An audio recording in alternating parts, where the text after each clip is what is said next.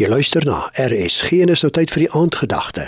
Dit word vanaand aangebied deur Elise Parker, skrywer van Pretoria. Goeienaand liewe luisteraar. Van dese week kyk ons na hoe houding ons lewens kan beïnvloed. Vanaand meer oor 'n Esterhouding. Is jy 'n Ester of 'n Ceres, 'n vredemaker of 'n wrokdraer? Esther is deur haar oom Mordegai ingeroep om die koning se hart te verander sodat die Jode as 'n volk gered kon word.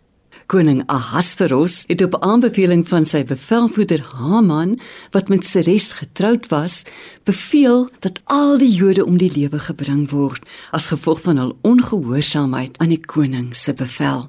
Esther kon nie die koning kry om sy bevel om te keer nie, maar hy het die Jode met 'n tweede bevel die reg gegee om hulself te verdedig en hulle het 'n oorwinning behaal.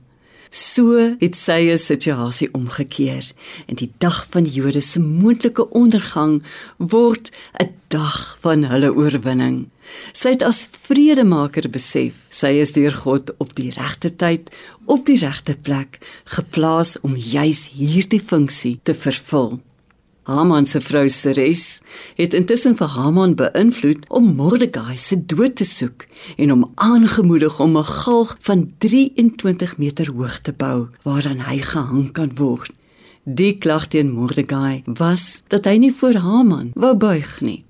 God het ingegryp en Ahasveros herinner aan hoe Mordegai sy lewe gered het en die bevel is gegee dat Haman aan sy eie galg gehang moet word.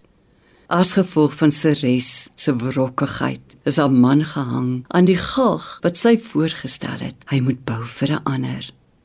'n Esterhouding sou nie iets so toelaat nie. Aan die hart daarvan is eerder 'n vredemakers ingesteldheid, soos waarvan ons lees in 2 Korintiërs 13 vers 11. Verder broers, wees bly.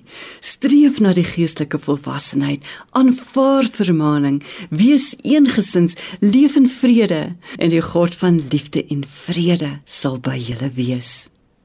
Is jy dalk blind vir jou eie twissoekerigheid en wrokkigheid?